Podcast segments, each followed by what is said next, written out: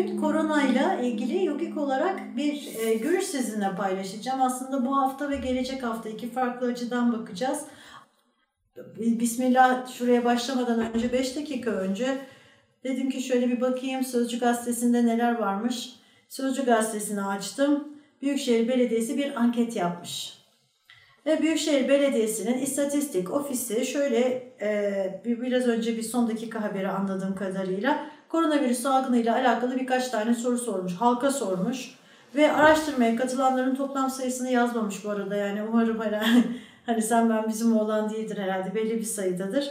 %75'i, 75.2'si hatta koronavirüsünün kendisine ya da yakınlarına bulaşmasından endişe ediyormuş. Ülke ekonomisine zarar göreceğini düşünenlerin oranı %81.1. Bu böyle gidiyor. Aa, pardon yazmış altta 1014 kişi bilgisayar destekli bir telefon anketi yoluyla veri toplanmış. Çok pardon 3-5 kişi değilmiş sadece. 1000 kişi de kötü değil anlamlı bir şey çıkartabilir. Ee, ve katılımcıların %57.8'i de 40 yaşın altındaymış. Yani baktığınız zaman gençler arasında büyük bir endişe ve ekonomiyle ilgili de bir kaygı var. Ne olacak halimiz diye düşünüyorlar. Hem sağlık açısından hem de ekonomi açısından. Ee, şimdi bu hafta neye göre konuşacağız? Bu konuyu Ginana Yoga öğretisine göre konuşacağız. Gelecek hafta ise Karma Yoga'ya göre bir kez daha inceleyeceğiz.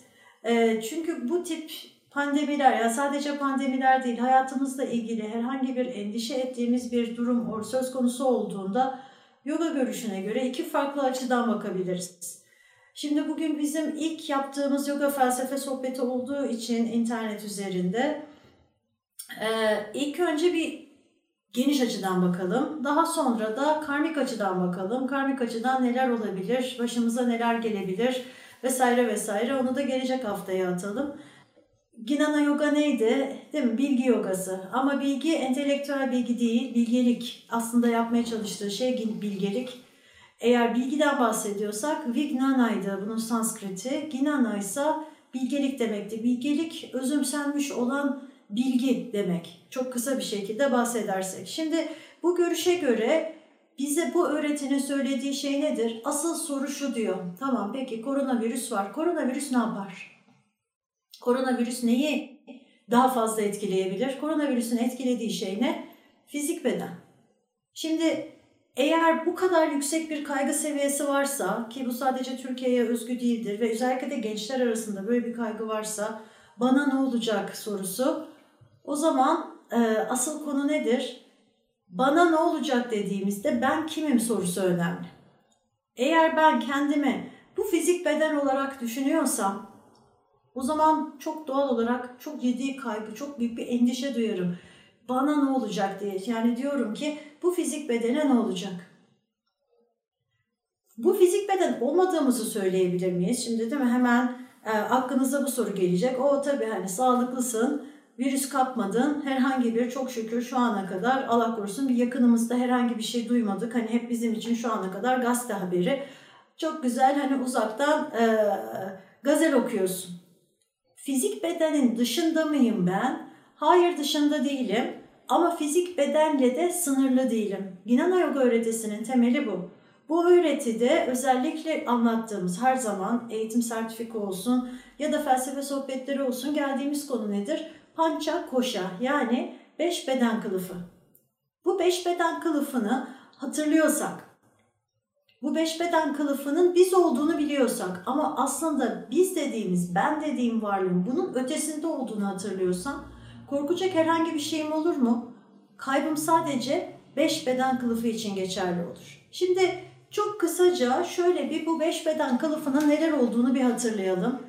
Ki böylece daha sonra da bu virüsün bu kılıflara, bu kılıflardan özellikle beden kılıfına yani anlamaya koşaya nasıl gireceğinden biraz bahsedelim ki daha sonra da biraz yogik anlamda korunma yollarından bahsedelim. Çünkü yoganın da bize söylediği korunma yolları var. Tamam evet vitamininizi alın işte ne bileyim hani doktor tavsiyesiyle verilen işte ilaçlarınız reçetelenmiş vesaire bunlar varsa Tabii ki almaya devam edin. Biliyorsunuz yoga terapi bu kısma karışmıyor. O kısmı devam ettirin diyor zaten. Fakat bir de size aynı zamanda terapinin yogik olan versiyonunu söylüyor. Üzerine ilave olarak. Lütfen yanlış anlamayın. Yani diğerlerini reddedin sadece bunu yapın demiyoruz. Şimdi Panchakosha'ya şöyle bir bakalım. Hep anlattığım, Panchakosha'yı anlatırken anlattığım bir hikaye üzerinden gidelim yine. Bir baba oğul arasında geçiyor bu hikaye. Ee, bir gün oğul, baba tabii bir aydınlanmış bir kişi, bir guru ve bu kişinin yanına gidiyor oğlu ve soruyor. Baba diyor, ben kimim? Soru bu. Ve Hindistan geleneğidir. Hani şu an hep anlatırım. Ee, sunumlar yapıyoruz, eğitimler yapıyoruz, sertifikalandırıyoruz, diploma programları oluyor işte yüksek lisanslar falan filan ama aslında yoganın temeline baktığınız zaman direkt olarak cevap verilmiyor.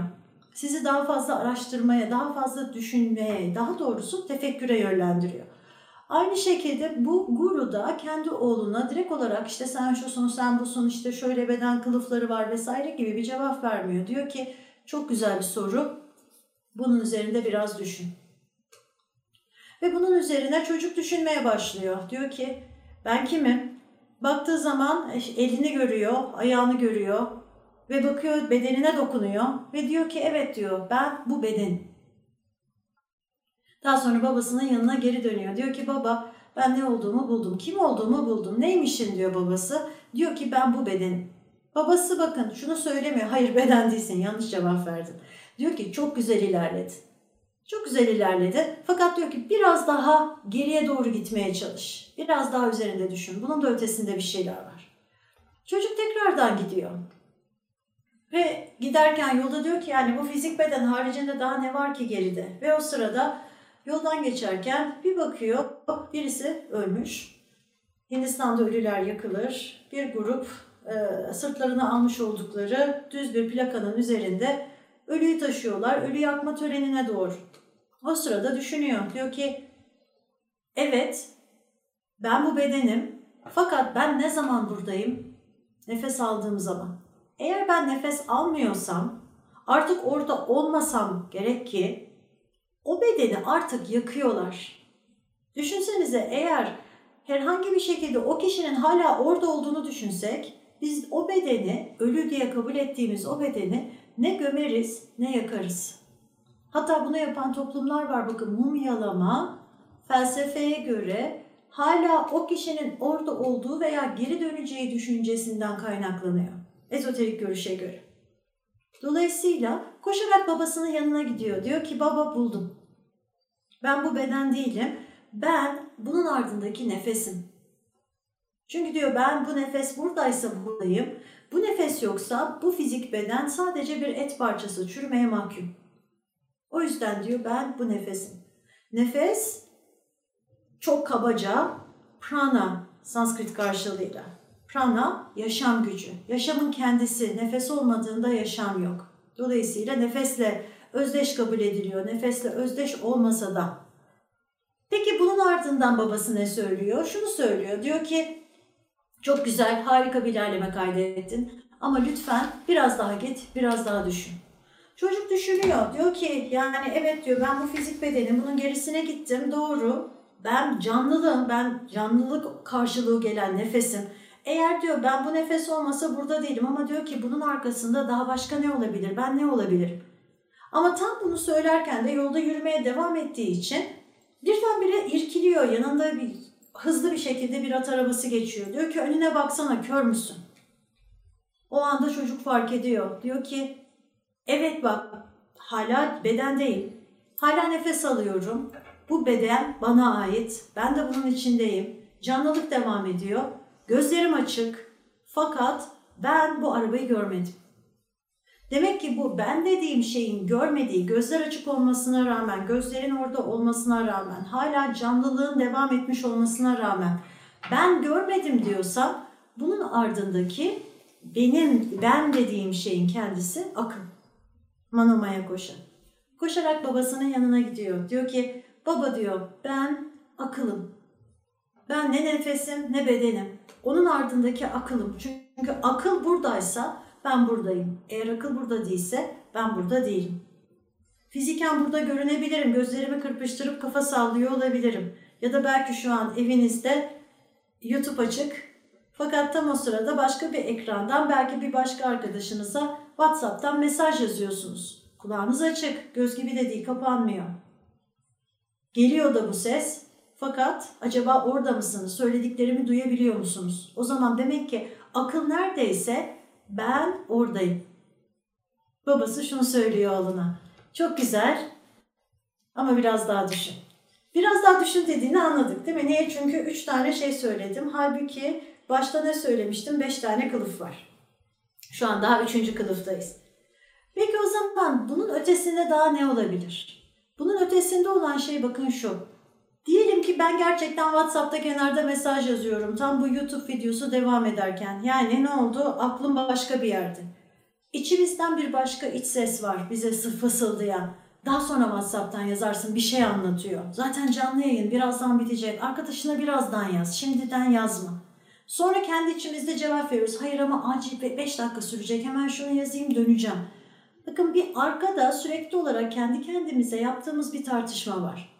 Ve bazen bu tartışma yazma yönünde sonlanıyor. Bir karar veriliyor. Bazense hayır tamam bunların hepsini bırakalım ve önümüze bakalım. YouTube'a bakalım kararı veriyoruz. Bir muhakeme gücümüz var yani. Bu aklı yönlendiren, bu düşünceleri yönlendiren. Dolayısıyla eğer bakta bakarsak dördüncü kılıf dediğimiz, ben dediğimiz şey aklı azarlayan muhakeme gücü. Buna Vignanamaya koşa deniyor. Ve bunun da ötesinde bir tane daha bedenimiz var. Bu Vignanamaya koşa dediğimiz bu muhakeme etme becerimizi yönlendiren şey ne? Yani ben neye göre kendime kızıyorum ya da neye göre kendime icazet veriyorum bir şey yapmaya veya yapmamaya?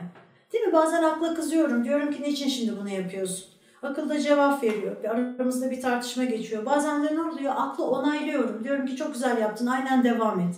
Muhakeme olduğum belli. Akılla karşılaştırıldığı zaman. Fakat ben neye göre karar veriyorum? Çünkü eğer muhakeme gücümüz %100 doğru çalışsaydı o zaman bulunduğumuz dünya çok farklı bir yer olurdu. Çok cennet bir yer olması gerekiyordu. Hep çok doğru kararlar alırdım. Ama belli ki durum öyle değil. Bazen benim muhakemem beni yanıltıyor. Benim aleyhime olan bazı kararlar veriyor. O zaman son kılıfa geliyoruz. Bu da nedir? Mutluluk kılıfı. Anandamaya koşu.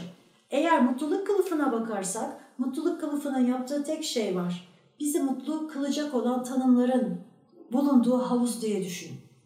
Eğer ben vereceğim karar beni mutlu edecekse o şeyi yaparım. Mutsuz edecekse yapmam. Acı ve zevk üzerine dönüyor yani. Peki eğer ben bu zevkin gerçekten beni benim mutluluğumu sağlayacak olan gerçekten benim sonsuz saadeti sağlayacak olan şeylere zevk demeye başlarsam ne olur? aydınlanırım. Dolayısıyla o kadar da hedefi çok yüksek tutmayınız. Bize mutluluk dediğimiz şey daha çok aslında zevklerimiz. Ha ne oluyor? Bazen anlık zevklere daha fazla düşüyoruz. O zaman o an için bizi mutlu edecek ama daha orta uzun dönemde bizi daha mutsuz edecek olan şeylere doğru da yelken açıyoruz. Mümkün olduğu kadar insan olarak yapmaya çalıştığımız şey ne? Orta ve uzun dönemde bizi mutlu edeceğine inandığımız şeylere doğru gitmek eğer kısa vadeli düşünürsek orta ve uzun vadede daha sıkıntı yaşamaya başlayacağız. Çünkü daha sonra bize acı verecektir. Ama eğer ben gerçekten mutluluk dediğimiz, yoganın anlattığı mutluluğun gerçekten zevk olduğuna inanırsam o zaman aydınlanma dediğimiz fenomenin başlangıcına sebep oluyoruz. Şimdi bu işin teorisi. Yani niye size bunu anlattım? Çünkü daha sonra yapacağımız, yaparız diye düşünüyoruz artık felsefe sohbetlerini eğer herhangi bir şey anlatacaksam sürekli olarak bu beş beden kılıfına sürekli olarak atıfta bulunacağım. O yüzden en azından bir yerlerde bu beş beden kılıfının bulunmasını istedim. O yüzden sizi böyle bir baştan sona bir hani konuya tekrardan angaje etmem gerekti. Şimdi gelelim koronavirüsüne. Şimdi koronavirüsüyle bütün bu anlattıklarımın ne alakası var? Alakası şu. Çünkü şimdi bu beş beden kılıfı dendiği zaman, bütün bunları bu çocuk babasına söylediği zaman babasının verdiği cevap ne? Verdiği cevap şu. Sen bütün bunların ötesindeki atmansın. Atman Sanskrit karşılığı, Türkçe karşılığıyla özben demek. Özben genelde ruh olarak çevriliyor. Özben yani bireysel ruh olarak çevirme vesaire gibi şeyler düşünebilirsiniz.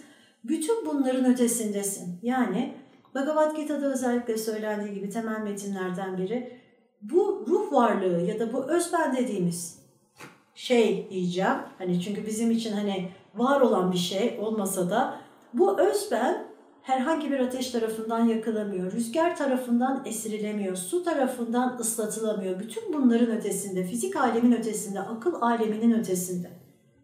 Peki bunun ötesinde ama eğer bu dünyadaysa neye tabi? Bu beş beden kılıfına tabi. O zaman bu beş beden kılıfının biz olmadığımızı söyleyebilir miyiz? Söyleyemeyiz. O yüzden koronavirüsü de yoga yapsak da yapmasak da aydınlansak da aydınlanmasak da eğer bu evrende, bu planda, bu üçüncü dünya, üçüncü um, dünya düzeni, üçüncü, üçüncü dünya düzeni de ne bilmiyorum ama üç boyutlu planda eğer kalmak istiyorsak benim bu beş beden kılıfına ihtiyacım var. Dolayısıyla ben atmanım diyerek kendimizi sokaklara atmamız son derece abes e, ve hem kendimizi hem çevremizi riske edecek bir labalilik diye düşünebiliriz. Bunun yerine ne yapmamız lazım? Sakin kalmak. Benim bu sakinliği sağlayabilmem için neyi hatırlamam lazım? Ginana Yoga öğretisindeki atman olduğumu hatırlamam lazım. Ama pancha koşa dediğimiz bu beş beden kılıfını hatırlayarak. Benim bunu sağlıklı tutmam lazım. Benim bunu sağlığı için yapılması gerekenleri yapıyor olmam lazım. Ben her şeyi yaparım ama herhangi bir şey başına gelirse zaten bu olmadığımı hatırlarım. Peki o zaman e, bunu hatırlamanın bana faydası ne? Çünkü herhangi bir şeyi düşünün. Diyelim ki güneş ışığını düşünelim. Güneş ışığı dünyayı aydınlatır. Değil mi? Yani gün boyunca ben güneş ışığından faydalanıyorum. Güneş ışığı dur, dur, durduk yere yangın çıkartır mı? Hayır çıkarmaz. Ama eğer elime mercek alırsam ve bu merceği güneşe doğru tutarsam, güneşten yere doğru tutarsam tuttuğum yerde odaklandığı için o koyduğum yer neresiyse orası yanmaya başlar. Aynı şekilde akıl kılıfında da ben neye odaklanırsam o odaklandığım şeyi gittikçe büyütmeye başlıyorum. Büyüyor, büyüyor, büyüyor ve eğer ben akılda herhangi bir şeyi büyütmek istiyorsam da negatif düşünmem lazım. Eğer ben bir şeyi negatif düşünürsem çünkü çoğaltması çok kolay. Hep hani diyoruz ya mesela korona virüs var mı sende? Yok negatif çıktı. Konu bitti bakın. Ama eğer pozitif çıktıysa ne kadar çok sorumuz var soracak. Ne oldu? Semptomlar neredeydi? Nereden geldin? Kimlerle görüştün? Kimden almış olabilirsin? Kestin, kaynanadır aldın. Bir sürü şey geliyor aklımıza. Birdenbire sorular ve onlarla ilgili cevaplar bir konu başlığı açılıyor ve altını istediğimiz kadar saatlerce konuşarak doldurabiliyoruz. Şimdi eğer ben tam tersine düşünün ki bunu üzerine odaklanıp bunu büyütmek yerine düşünün ki bu aynı şekilde bizim Türkiye ile ilgili bir kaygımız da olabilir. Virüsten ya da rahatsızlanma ve hayatımızı kaybetmek kaygımız da olabilir. Hiç fark etmez neyi büyüttüğümüz. Ben bunu büyütmek yerine sürekli olarak ben atmanın ve bir de pança koşa denilen bir beş beden kılıfı varı hatırlayıp bunun üzerine odaklanırsam o zaman bendeki duygu dünyası nasıl bir dünya olacak? Dolayısıyla hangi şeyin üzerine odaklanırsak o şey büyür. Akıl lütfen unutmayın %75 negatif çalışır. O yüzden korona üzerinde gerilim yaratacak, daha olumsuz olan haberler, işte gazetelerdeki anketler vesaire gibi şeylere akıl gitmek isteyecek çok normal. Fakat ben her seferinde onu tekrardan alıp daha olumlu ve daha benim için daha bana mutluluk verecek diğer konulara kaydırmayı başarabilirsem o zaman etkisini de zayıflatmış olurum. Neyin etkisini zayıflatmış olurum? Akıl sağlığımın her şeyden önce. Peki akıl sağlığı niye önemli? Yani ben gelecek hakkında kaygılansam ne olur? Şimdi hani yanlış anlamayın. Şimdi hani Türkiye'de e, şimdi cumartesi pazarı geçirdik değil mi? Herhangi bir e, sokağa çıkma yasağı vesaire de yapılmadı. Şimdi gerçi işte otobüslerde filan yaşlıların indirimlerini filan kaldırmışlar filan ama hani gördük hani Türkiye ne kadar kaygılı da olsa dışarıda olmaktan korkmuyor.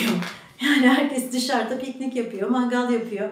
Hatta İtalya'da bir belediye başkanının Twitter üzerinde bir tane bağırış çağırış yapmış olduğu bir konuşmayı duydu. Adam orada da çıldırmış. Yani sadece Türklerde de değil. Demek ki bütün Akdeniz ırkında var. Bize bir şey olmaz diye. Herkes bir araya gelmiş. Koronavirüs pankartı hazırlamak için adam çıldırmış gördüğü zaman. Ve hani bunlar sadece hani İtalya'da değil Türkiye manzaraları da aynı zamanda değil mi? Benzer şeyleri yapıyoruz. Şimdi eğer biz e, kaygımız olmazsa o zaman tıpkı bir çocuk gibi değil mi? Çocuğun mesela kaygısı yoktur. Çocuklaşır mıyız? Yani çocuğun kaygısı olmadığı için ne yapar? Sürekli olarak anne çekiştirir. Çocuğum onu yapma. Çocuğum e, masaya tırmanıp kendini süpermen sanıp aşağıya doğru atma. Niye? Çünkü çocuk bunu bilmediği için çok büyük bir korkusuzlukla kendisini her yerden aşağı atabilir değil mi? Eline bıçaklar alıp havaya savurabilir, her şeyi yapabilir. Anne onun için kaygı duyar. Peki yoga'nın istediği kaygısızlık durumu bu mu? Şimdi eğer hani akıl sağlığımızı kaybetmediysek tabii ki hayır. Bundan bahsetmiyoruz. Ne dedik? Bakın fizik beden benim bu evrende, bu planda kalmamı gerektiren bir malzeme. Eğer ben burada kalmayı devam ettirmek istiyorsam benim bu bedene ihtiyacım var. Benim onu sağlıklı tutmam lazım. Ama bu demek değildir ki onun kölesi haline geleyim. Bunun kaygısıyla yaşayayım sürekli olarak. Bir gün daha, bir saniye daha fazla nefes alabilmek için hani çırpınmaya başlayayım. Yaşa tabii ki yaşa ama çırpınma. Kaygı dediğimiz şey ise çırpınışa giriyor. Dolayısıyla yapmamız istenilen şey nedir? Bu Ginana Yoga öğretisine göre tabii ki fizik bedeni koruyacak şeyler yapalım. Ama bunu koruyacak şeyler yaparken bir taraftan da aklımızı sakin tutalım. Yani kaygısız kalmak demek o zaman fütursuzca sokaklara dökülmek nasılsa aman biz de bu beden değilmişiz, boşuna kaygılanmışız demek değil. Tabii ki fizik bedeni korumak ve burada kalmaya devam etmek için evimizde kalalım, gerekli tedbirleri alalım falan filan ne yapıyorsak artık hangi tabletleri, e, vitaminleri kullanıyorsak bunları almaya devam edelim. Ama onun dışında aslında sadece bu olmadığımızı hatırlayalım. Sadece bu değiliz. Bhagavad Gita öğretisine göre biz sonsuzuz, biz her zaman vardık, her zaman var olacağız. Herhangi bir değişiklik olabilmesi veya herhangi bir şeyin bizi yok edebilmesi mümkün değil.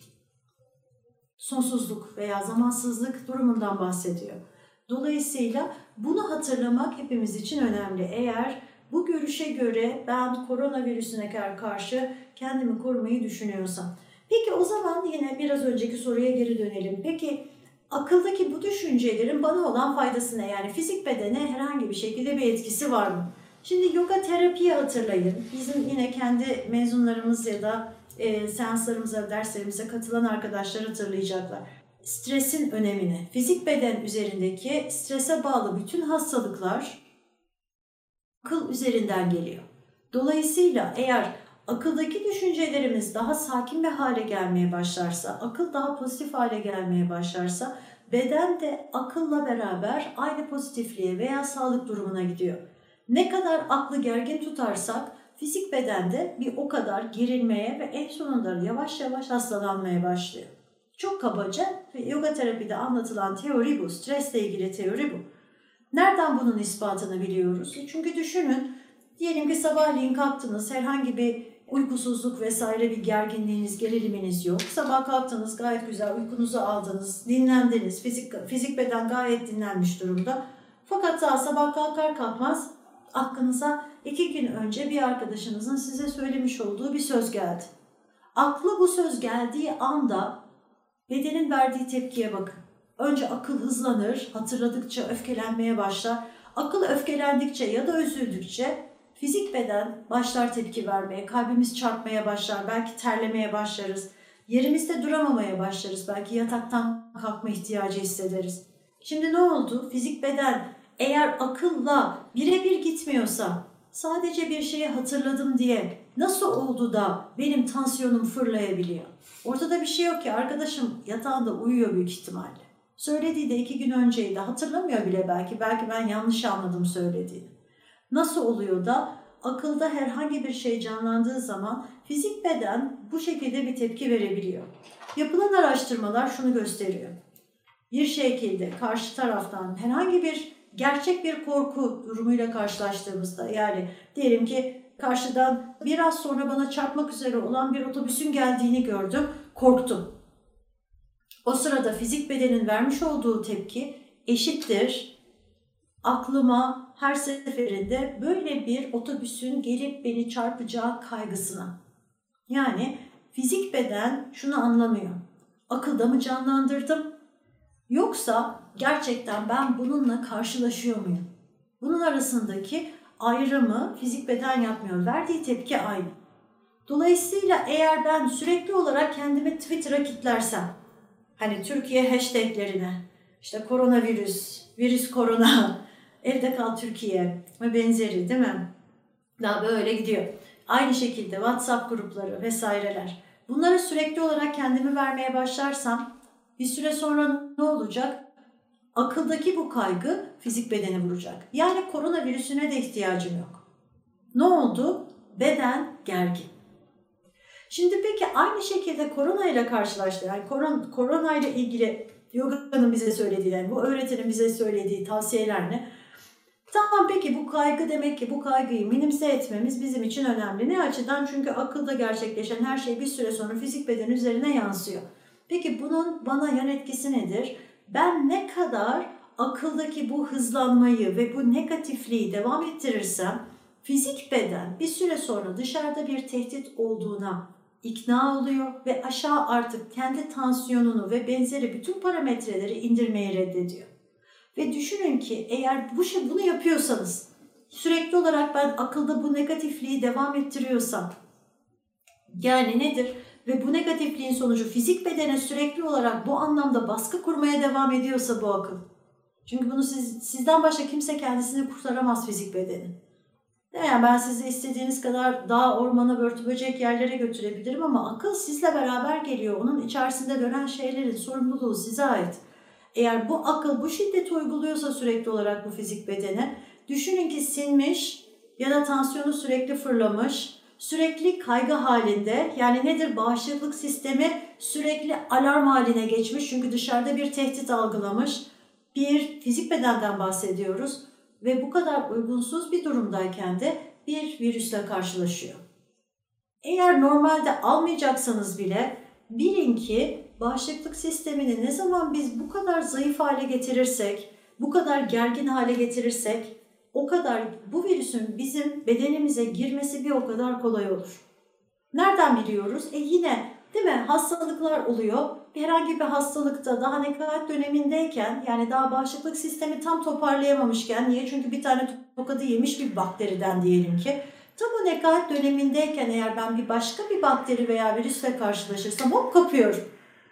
Hep derler ya hani nekaat dönemi önemli. Eğer bu nekate dikkat etmezsen daha sonra başına iş açarsın. O yüzden ilacını hemen bırakma. Antibiyotik tedavisini belli bir süre devam ettir falan. Hani hep diyor büyüklerimiz, doktorlar vesaire. Şimdi hani baktığınız zaman e, ne oldu? Benim bağışıklık sistemim aslında yenmiş bir şey de yok ortada değil mi? O sırada bedende bakteri de yok bir şey sadece nekaat dönemindeyim ama yorgun. O yorgunluk karşısında tam o esnada karşısına bir şey çıkarsa orada bir zafiyeti var. Aynı şekilde şu an bütün dünyada bu zafiyet var. Çünkü hepimiz stres altındayız. Strese bağlı hastalığımızın olmasına gerek yok. Biz zaten e, akıl kılıfında bu stresi sürekli yaşıyoruz. Koronavirüsü olsa da olmasa da. Dolayısıyla en basit, yogik anlamda yapabileceğimiz şey aklın bu stresini ortadan kaldırmak. Önce akıl üzerinde uğraşın ki fizik beden bir rahatlasın ilk önce, bir silkelensin, kendine gelsin. Fizik beden bir kendine geldikten sonra virüsle karşılaştığında bilin ki bağışıklık sisteminiz kuvvetli ve baş edebilir. Baktığınız zaman bakın virüsten herkes ölmüyor. İyileşenler de var. Onlar süpermen mi? Nasıl oluyor da bazıları ölüyor, bazıları ölmüyor.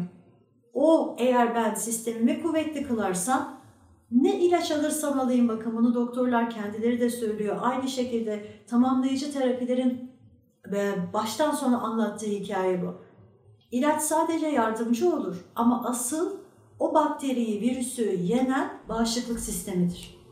Zaten de şu an aynı şeyi yapmaya çalışmıyorlar mı koronavirüsüyle ilgili? Herkes bir gün bu virüsle karşılaşsa ki böylece bu e, bağışıklık sistemimiz kuvvetlensin ve virüsle sanki bir grip virüsüymüş kadar hafif ve önemsiz bir hale gelsin, tanışsın diyorlar. Değil mi? Aşının da mantığı o, tanışıklığı yaratmak.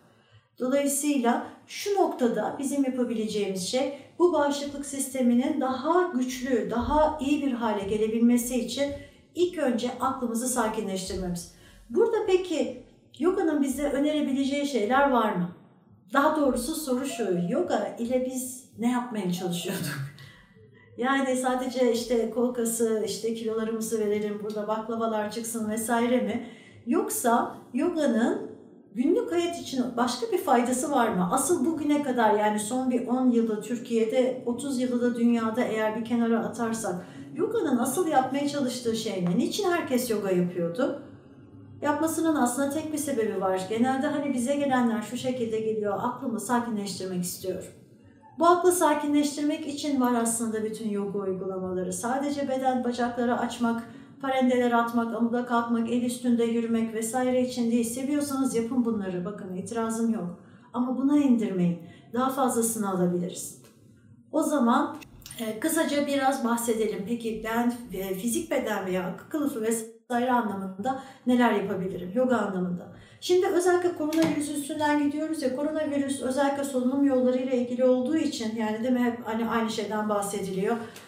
Özellikle hani ciğere yerleşiyor ve e, nefes alma cihazına bağlanması gerekiyor gelen hastaların ve şu anda kıtlık yaşanan durumun hastanelerde bu olduğu söyleniyor. Dolayısıyla nefes çalışmaları pranamaya koşa dediğimiz e, nefes beden ya da yaşam gücü bedeni üzerinde etkili nefes çalışmalarını yapmamız bu açıdan önemli. Nefes çalışması dendiği zaman da bunu böyle çok abartmayın. Çok basit nefes çalışmaları nedir? Doğru nefes almayı öğrenmek. Yani ne çok basit bir şekilde ben akciğerimi nasıl kullanırım? Benim ilk önce bir bunu anlıyor olmam lazım. Daha sonra da bir iki tane çok basit yine birkaç nefes çalışması. Eğer ben nefesimi düzenleyebilirsem bu nefes üzerinden beden zaten beslendiği için e, beden üzerinde de olumlu bir etkisi olacak. Eğer fizik bedene bakacaksak lütfen ama lütfen önce beslenmenize dikkat edin. Ee, bu temiz gıdanın dışında yoga duruşları önemli. Bedenin tekrardan diri kalması için, dinç hale gelebilmesi için. Ama bunu yaparken lütfen ama lütfen sadece güçlendirici olan serileri yapmayın. Kaslarınızı devam ettirebilmek, o definition denilen kas görüntüsünü kaybetmemek için aynı zamanda esneme çalışmaları da yapın. Yani kısaca güçlendirdiğiniz yeri esnetin, esnettiğiniz yeri güçlendirin. Bunu yaptığımız sürece ve bedeni gevşettiğimiz sürece kabaca fizik beden için yapabileceğimiz yoga uygulamaları bunlar. Beslenme ve bedensel egzersiz. Bu illa yoga duruşu olmak zorunda da değil. Bu arada aklınızda olsun. Evinizde yapmak istediğiniz başka uygulama varsa onları yapın. Aynı şekilde ikinci beden kılıfı olan nefes için söylemiştik. Ne dedik? Nefes çalışmaları yapın. Akıl kılıfı için yapabileceğimiz şey aklı sakinleştirmenin tekniği meditasyon. Ben bu üçünü yapsam şimdi bırakın diğer kılıfları. Sadece ben bu üçünü yapsam bile benim bugünümü kurtarıyor mu? Evet kurtarıyor. Lütfen eğer yogik anlamda ben bir şeyler yapmak istiyorum koronaya karşı diyorsanız mutlaka beslenmenize dikkat edin. Yani kızmasın bana e, işletme sahipleri ama dışarıda motosikletle gıda eve söylememeye çalışın. Kendiniz yapın, e, kendiniz pişirin. Ne pişiriyorsanız onu yiyin. Temiz gıda. Ee, ve mümkün olduğu kadar sade gıda yani vejeteryan gıda, vegansanız ya da vegan gıda ee, ve duruşlar, nefes çalışmaları ve meditasyon. Sadece bunları yapsak aslında bizim için yeterli. Bugün yaptığımız bu felsefenin peki bize olan etkisine, felsefenin etkisi de benim akıldaki düşüncelerimin sakinleştirilmesi için ikna olmam. Benim bu bilgiye ihtiyacım var. Ben bu bilgiyi eğer bilmiyorsam bilmediğim bir şeyi uygulayamam. Ya da ne yaparım? Yoga'nın sadece bir akrobatik duruşlar serisi olduğunu bilirim. Akrobatik duruş olarak yaparım ve geçerim. Benim biliyor olmam lazım. Ha ben şu şekilde yaparsam yoga daha bana şu açıdan da faydalı olabilir gibi bir fikrimin olabilmesi için bilgimin olması gerekiyor ilk başta. Yoksa bildiğim kadarıyla yaparım. Dolayısıyla bu sohbetlerde bizdeki bu bilginin gelişmesi ve daha fazla kökleşmesi, böylece hayatımıza daha fazla alabilmemiz açısından önemli. Ve bütün bunların sonunda benim duygu dünyamın düzelebilmesi, değiş, gelişebilmesi için de bir yerden sonra benim olumlu duyguya geçmem için teslim olmam önemli. Neye karşı? Her şeye karşı. Buna isterseniz bir dini inancınız varsa, dini inancınız gereği inandığınız şeye ne diyorsanız, Tanrı, Allah ya da başka bir e, işte Krishna, Shiva her ne diyorsanız inandığınız şeyin karşılığı. Eğer herhangi bir dini inancınız yoksa doğa diyebilirsiniz, evren diyebilirsiniz artık her neyse o inanç ama bir yerde teslimiyet, teslim olmak. Eğer ben teslim olursam elimden gelen her şeyi yaptıktan sonra bu ana kadar söylediklerimi artık ondan sonra ne olur? Endişelenecek bir şey kalmaz. Çünkü biliyorum ki elimden gelen her şeyi yaptım. Daha fazla yapabileceğim zaten bir şey yoktu. O zaman kaygılanmamı gerektirecek de bir şey yok. Bu duygunun gelişebilmesi için de bu teslimiyetin gelişebilmesi için de uygulamalar yapıyor olmamız önemli. Bunlar hakkında da daha ileriki günlerde konuşacağız. En basit eğer bunu hatırlamak istiyorsak yani ya da birliği hatırlamak istiyorsak yapabileceğimiz de bir iki tane uygulamamız var. Onlardan da bir tanesini e, bir yaklaşık 5 dakika sonra açıklayacağım. Dolayısıyla bütün bunları eğer toparlarsak da koronaya karşı Gnana Yoga görüşünün genel olarak kabaca anlattığı şeyleri e, bu şekilde düşünebiliriz. Şimdi teslimiyet dedik. Bir iki dakika, üç dakikada ondan bahsedeyim. Daha sonra da dediğim gibi size bir yemek duası demiştim hatırlarsanız. Dua değil gerçi bu bir vecize ama bu vecizeden bahsetmek istiyorum. Ee, niye Ginana Yoga'dan bahsetmiştik? Daha evrensel olarak bakabilmek için. Evrensel bakmak, niye evrensel bakıyoruz? Çünkü yoga kelime anlamıyla bir olmak demek, birlik demek, yani iki olmadığı yer demek. Ee, ve Hindistan'da gelenektir herhangi bir yemek yemeden önce bu birliği hatırlatacak bir vecize var Bhagavad Gita'da. Bu vecize okunuyor. Hani biz hani dua vesaire deniyor buna ya da işte ne bileyim hani şükran duası gibi hani Hristiyanlarda olan filan ya da bizde de var aynı şekilde değil mi? İslam'da da var. Ee, hani dua diyoruz niye? Çünkü hani yemeğe oturmadan önce yapmaya alışık olduğumuz bir şey için hani bir şey olduğu için hani belki o dua diyoruz ama aslında dediğim gibi bu bir vecize. Önce vecizenin ne olduğuna bakalım. İlk önce ne söylüyor? Ee, Bhagavad Gita 4. bölüm 24. vecize. Bu arada Purnam yayınlarının sahibiyim ben biliyorsunuz. Hep de arıyorsunuz. O kitap kalmadı, bu kitap kalmadı. Bakın ne kadar stok dışıyız. Kitap bende de yok. o yüzden normal aslında matbaaya hazırlanmış baskıdan çıkardım. Gerçekten kitap bende de yok. Ve tam basacaktık. Şimdi de korona çıktı. Yani kısmetsizliğe gel. Biraz daha beklemeniz gerekecek. Kusura bakmayın. 4. bölüm 24. vecizde şunu söylüyor. Diyor ki Brahman adaktır. Brahman eritilmiş tereyağıdır. Adak Brahman'la Brahman ateşine dökülür. Doğrusu Brahman'ı her an fiilde gören kişi Brahman'a ulaşır. Şimdi çok tekerleme gibi hep de dalga geçer. Hani yogayı bilmeyenler bu ne böyle? Hani Brahman adaktır, Brahman odur, Brahman budur. Şunu söylüyor diyor ki Brahman adaktır. İlk önce neden bahsediyor bu? Ateş ayini denilen bir ayin var Hindistan'da. Bu ayinde bir ateş yakılır. Ateş tereyağla beslenir. Ee, ki böylece yanmaya devam etsin. Daha sonra farklı şeyler sunulur ateşe ki hani o ateşle o sunular aynı şekilde daha ilahi olanlara ulaşabilsin. Çünkü hani ne bileyim atıyorum pirinç sundunuz. Pirincin kendisi madde olduğu için ulaşamayacak. Ama tereyağının içerisindeki o odunun içerisinde o pirinç yakıldığı zaman o ilahi varlığa o pirincin ulaştığı gibi bir inanç var. Dolayısıyla bu vecizede aslında anlatılan ateş ayini. Şimdi bir kez daha okuyalım. Bakın şunu söylüyor. Diyor ki Brahman adaktır. Bu ateş ayinleri Hindistan'da ne zaman yapılıyor? Herhangi bir şey için, bir şey istediğiniz zaman yapılıyor. Bu aydınlanma da olabilir ya da bizdeki karınca duası gibi ev, yat, kat, araba istiyorum gibi de olabilir. Bir şey istiyorsunuz yani bir adağınız var. Diyor ki Brahman, Brahman kadri mutlak, Rab ya da Allah yani Brahman teklik, Brahman adaktır. Adağınız, talebiniz neyse Brahman budur. Aynı zamanda diyor Brahman eritilmiş tereyağıdır. Yani ateşe sunduğunuzdur. Adak, adağın kendisi istediğiniz. Brahman'la, dökenle Brahman ateşine dökülür. Ateşin kendisi Brahman'dır. Doğrusu Brahman'ı her an fiilde gören kişi Brahman'a ulaşır. O zaman şunu söylüyor bakın bu vecize. Ada yapan Brahman. Adak fikri Brahman. Ateşe atılan tereyağı Brahman. Ateşin kendisi Brahman. Hiçbir şey bir diğerinden farklı değil. Biz her ne kadar şu an dualite içerisinde bunların her birinin farklı olduğunu düşünüyorsam bile elimin akıldan, ateşin yağdan, bütün bunların da benden ayrı olduğunu düşünsem bile bu vecizenin söylediği dolayısıyla yoga yani birlik. Ve bu her seferinde yemekten önce bir kez daha tekrar edilir. Neden?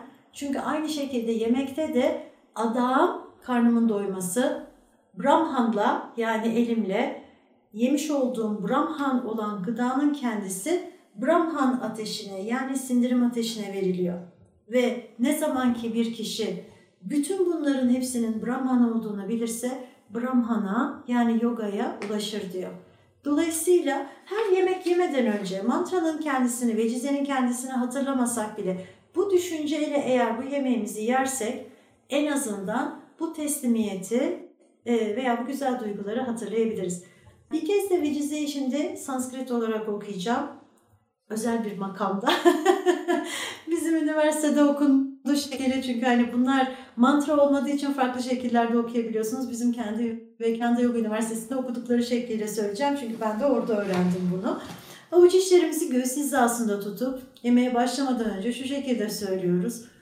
Om Brahmarpanam Brahmahavihi Brahmagna Brahmanahutam Brahmaivadena Kantavyam Brahmakarma Samadina Om Shanti Shanti Shanti